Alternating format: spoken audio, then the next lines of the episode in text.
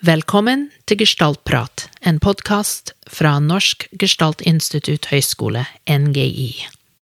Mitt navn er Ann Kunish, og i dag har vi invitert Tore Gustavsen inn i studioet.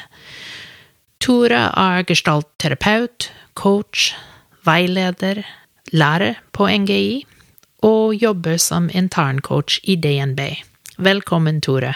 Tusen takk for det, Ann.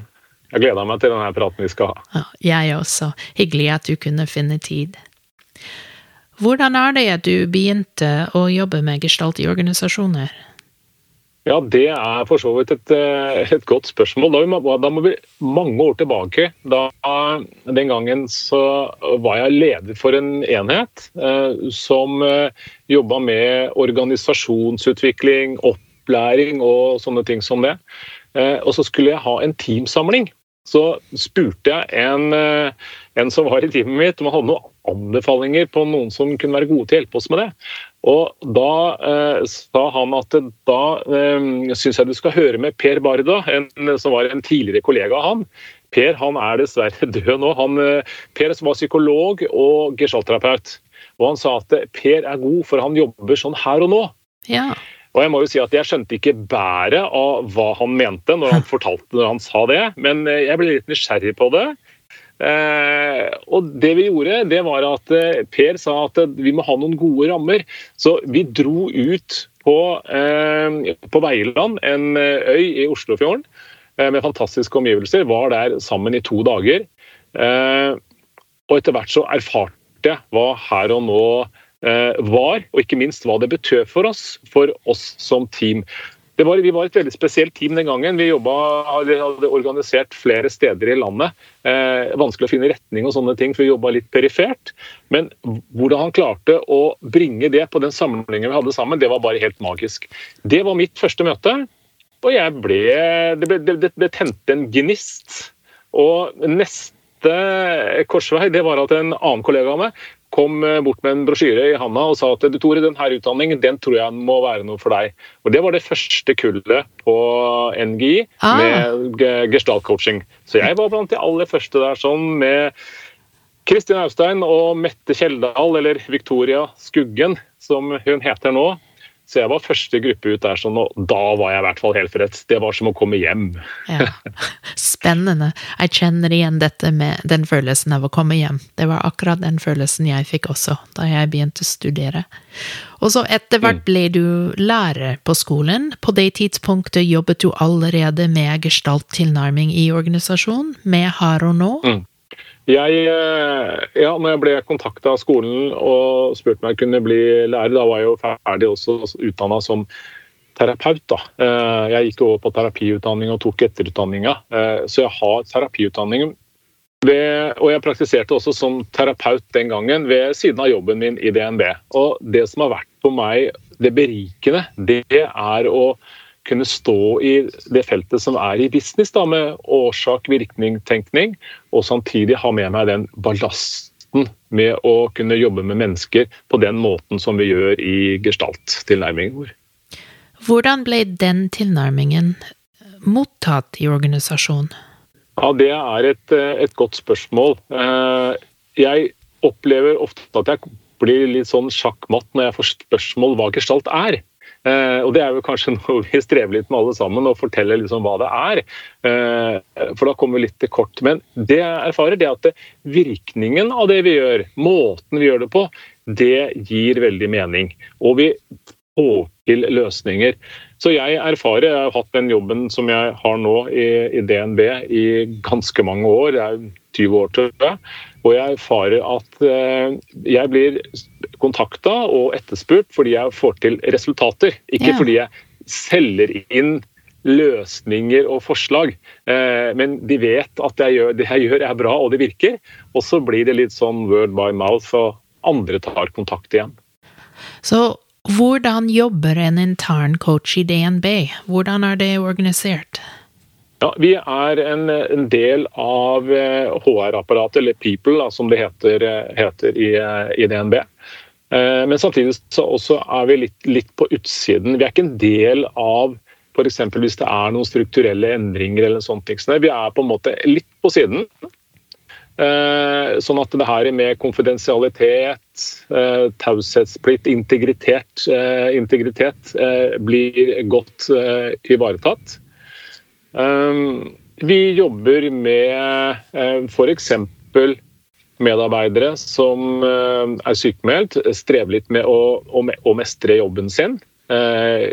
Konflikt f.eks. er temaer som vi stadig ofte er inne på. og støtter eh, medarbeidere som er i en anstrengt konflikt. Strever med å, å, å, få det til. Går dere også inn hvis det er team som opplever konflikt? Ja, det gjør, det gjør, vi ofte. Stadig mm. oftere. Og, og, det, og, da handler det ofte med å støtte dem og kunne kommunisere sammen. og Uh, finne andre vinklinger inn. Det, altså, støtte dem med språket, f.eks. Så det, jeg tenker vi, vi, praktiserer eh, gestalt uten at vi på en måte har et skilt hvor det står gestaltterapeut. Jeg jobber jo ikke som gestaltterapeut heller, da, men som du sa, så underviser jeg også på høyskolen, på NGI. Eh, og jeg husker en, eh, en, eh, kollega i DNB som tok coachingutdanningen, hadde behov for en prat med meg som kollega i DNB. Og, og spørsmålet hennes det var liksom du Tore, hvordan i all verden er det du klarer å praktisere dette i DNB? Og jeg, jeg skjønner det veldig godt, fordi at når vi går på og tar utdanningen, så blir vi så på en måte frelst, for å bruke det litt sterke ordet, da, ja. på, på, på, det vi gjør, for vi ser det fungerer. Og så erfarer vi at det, det språket og det, det, det, passer ikke i den andre verden. Ja. Så vi må tilpasse det konteksten. Eh, og det jobber jeg og vi mye med. Altså hvordan gjøre det, sånn at det blir på en måte forstått og akseptert. I en corporate miljø. Ja, ikke sant. Som er noe veldig annet enn terapirommet eller en terapigruppe. Ja, ikke sant. Der er det mer den årsak-virkningen som gjelder. Og i en corporate-miljø så er det mange eh, økonomer og jurister. Og de har et annet ståsted og en annen utdanning, og er trent godt i det. Og det er ikke fordi at de da ikke vil det som vi vil, men de har ingen erfaring med det, så vi må gi dem den kunnskapen og innsikten. Og det er der jeg kjenner at mitt viktigste bidrag er å kunne gradere det på en god måte, sånn at det blir akseptert, eh, og at det blir tatt til seg, og istedenfor at de, de møter mot, motstand. Ja, det og jeg minner meg selv på at eh, Ja, ikke sant? Og da, da, må jeg minne meg selv på at uh, Tore, den utdanningen som du har holdt på med, den har du holdt på med i ganske mange år. Og det tar tid at det skal bli en integrert del av deg. For så, på meg så virker det som, ofte som at alle bør jo opplagt skjønne hvordan dette er, for det virker så bra, og alle forstår det. Men jeg, jeg må gradere og tilpasse hele tiden. I terapirommet uh, er det ganske tydelig retningslinje, for så vidt, selv om etikk kan ha gråsoner. Men uh, jeg som terapeut, min uh, lojalitet er til min klient. Og taushetsplikt står ganske sterkt.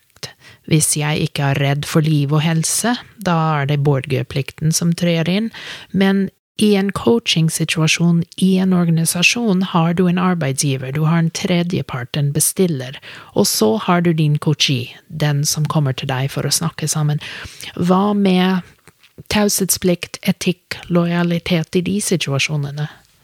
Ja, sånn helt sånn eh, på overordnet nivå så vil jeg tenke eller svare det at vi er underlagt det samme, men vi kommer i en stadig flere dilemmaer, tenker yeah, jeg. I, et, I, etiske dilemmaer. For jeg får informasjon og hvordan bruke det. Og jeg vil si noe av det de årene jeg har praktisert som uh, intern coach, så har vi alltid hatt veiledning. Så um, ca. hver sjette uke så har vi veiledning, og det er stort sett sånn etiske eh, dilemmaer, temaer, som, eh, som dukker opp i veiledningen. Ja, det kan jeg tenke meg. Ja. Så, så, og jeg har mange ganger blitt utfordra på det, og jeg trenger den påminnelsen underveis. Eh, hele tiden. Så det blir holdt ved like gjennom, gjennom veiledning.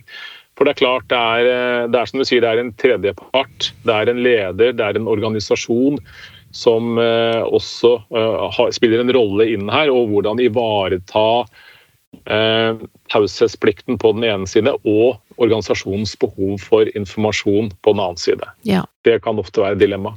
Og du, mm. du, er både terapeut og coach. Merker du en skille hvor du kan merke at det som bringes inn i coachingrommet, begynner å bevege seg over i et terapilandskap?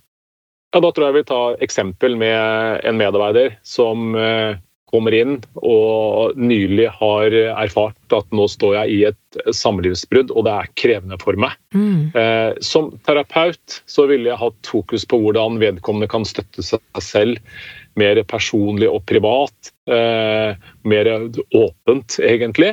Mens eh, når jeg er på jobb, så vil jeg sørge også at eh, støtte vedkommende i, i hvordan kan du ivareta deg selv, og kanskje vedkommende kunne trengt terapi. Men det coachingrommet skulle bli fylt opp av temaer, det er i forhold til hvordan kan jeg klare å utøve jobben min? Hva betyr dette for meg i utøvelse av jobben min i det daglige? Hvordan få til det? Ja. Altså, hvordan ha med meg den, den, den livsendringen eh, som preger meg ganske mye, den vil også påvirke meg jobbmessig. Og hvordan håndterer vi det? Ja, det gir veldig mening for meg, både med tanke på at vi er de samme menneskene, i bunn og grunn, om vi er privat eller i jobbsammenheng, og også den, eh, også den skillen som faktisk eksisterer mellom coaching og terapi. At eh, en terapeut har en lengre utdanning, lærer litt mer og kan jobbe bredere, og en coach har en litt kortere utdanning og jobber i en arbeidslivskontekst. Og det er også ofte sånn, tenker jeg, at en eh, coach-samtale har en mer tydeligere bestilling. Eh, som eh, er kanskje litt fremmed for en del gestaltterapeuter. Mhm. Men eh, jeg skiller litt mellom dette med bestilling og tema. Altså hva vi, hva vi jobber med, hvilke tema vi jobber med. Det er ikke like regulert nødvendigvis som er knytta opp mot ja, Nå ble jeg veldig tåkete på det. Så det Nei, vet du hva, Tore, det gir veldig mening for meg, fordi jeg satt her og tenkte på Frank Stemles teori, hvor han tenker på tema som som kommer frem i arbeid med polariteter, hvis for eksempel klienten sitter i et valgsituasjon, som godt kan hende i jobb, for eksempel skal jeg flytte til en annen by og ta en ny jobb, skal jeg bytte avdeling, skal jeg slutte, skal jeg ikke slutte, og det som kommer frem, uh, kaller han for tema, det virkelige, hvor det virkelige arbeidet ligger, og det kan være noe helt annet enn det Kochi kom inn med som bestilling, så det, jeg syns ikke det var tåkete i det hele tatt. Nei, nei, det gir mening når du setter det med det. Ja. Det høres så flott ut at eh, konsern har en egen intern coachingavdeling, er dette noe som er vanlig i norsk arbeidsliv? Nei, det har jeg fått det spørsmålet jeg har fått stilt ganske mange ganger, og det er ganske unikt det som, eh, som vi har i DNB. Når det er sagt, så vil jeg jo også si det at eh, det at vi har det bra og at vi fungerer på jobb, det er noe som også er viktig på bunnlinjen. min. Og klart, Vi er et, eh, vi er et konsern med 10 000 ansatte. Eh, og det at vi også kjenner kulturen og jobber innenfra, det gjør at vi lettere kan eh, få til smidige løsninger, hva det måtte være, som, som terskelen er lavere. Men det, det er på mange måter ganske unikt, sånn som vi har, har det i DNB. Ja. Ja, det kan jeg tenke meg. Heldig de som jobber i DNB. Det er en virkelig investering i at folk skal trives og um, lykkes i sine jobber.